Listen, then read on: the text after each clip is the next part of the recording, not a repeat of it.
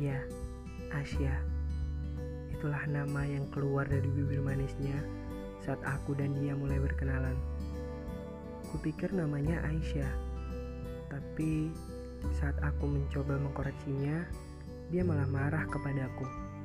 Kata dia, namanya memang Asia dan bukan Aisyah. Dia cantik, baik, dia juga lucu. Bagaimana tidak? Dia merupakan orang yang pertama kali bilang bahwa sikapku sedingin embun yang dimiliki oleh sang fajar. Dia juga bilang kepadaku, kalau pelukan dari selimut tebal yang dimilikinya tak cukup untuk menghangatkan tubuhnya dari sifat dinginku. Aku yang mendengarnya pun sontak langsung tertawa, karena yang dia ucapkan sama sekali tidak ada di dalam tubuhku. Tapi setidaknya dia sudah berhasil membuatku tertawa. Di saat aku terpuruk jatuh dan tidak ada seorang pun yang peduli. Lanjut, aku gak mau cerita tentang kesedihanku.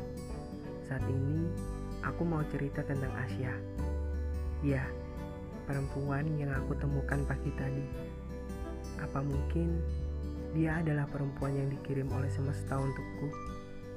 Atau mungkin dia diculik oleh sang fajar? Dan tersesat di depan rumahku. Mungkin saja aku juga tidak tahu kebenarannya. Dia datang dari salah satu belahan bumi yang aku sukai. Iya, bumi Pasundan.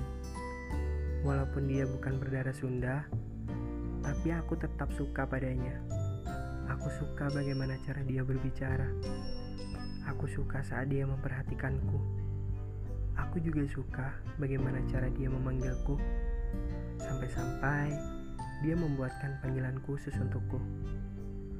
Mungkin jika aku bercerita tentang dia, tidak akan ada habisnya. Jadi, aku hanya ingin bercerita tentang dia sedikit saja. Dan ini adalah akhir ceritaku untuk dia. Oh iya, ada satu pesan dari dia yang dititipkan lewat burung darah putih yang memiliki cincin emas di kakinya. Pesan itu berbunyi, "Hei, Aku harap sikap kamu tidak sedingin embun pagi dan lekas menghangat seperti pelukan sang surya di waktu fajar.